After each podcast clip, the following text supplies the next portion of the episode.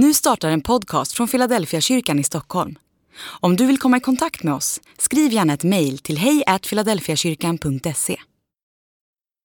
Dag 42 Att se och att tro hänger ihop.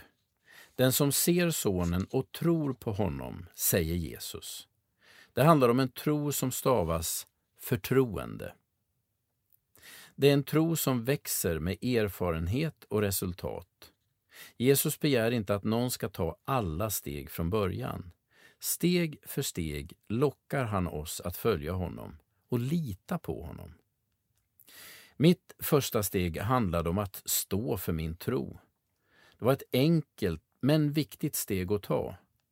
Jag var inte ens medveten om att det var ett steg när det hände, men i efterhand kan jag se hur betydelsefullt det var för mig.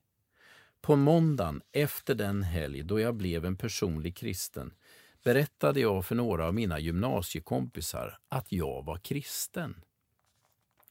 Jag berättade vad som hade hänt och vad jag hade upplevt.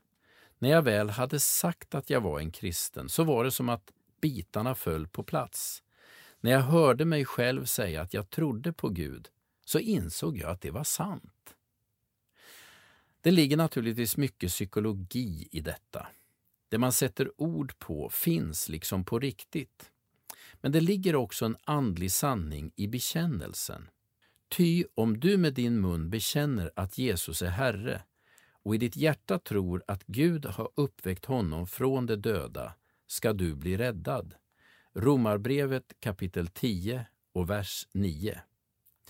Att säga det man tror kan förlösa en andlig verklighet i ens liv. Men det kristna livet är en vandring eller ett partnerskap med Jesus. Ett första steg följs av fler och fler. Så länge jag lever vill jag vara på väg. Nu för tiden kan stegen till exempel handla om att jag upplever att jag ska ringa någon eller att jag ber om Guds ledning i en anställningssituation. Det kan handla om min papparoll och att jag ber om hjälp att uppmuntra mina barn på rätt sätt.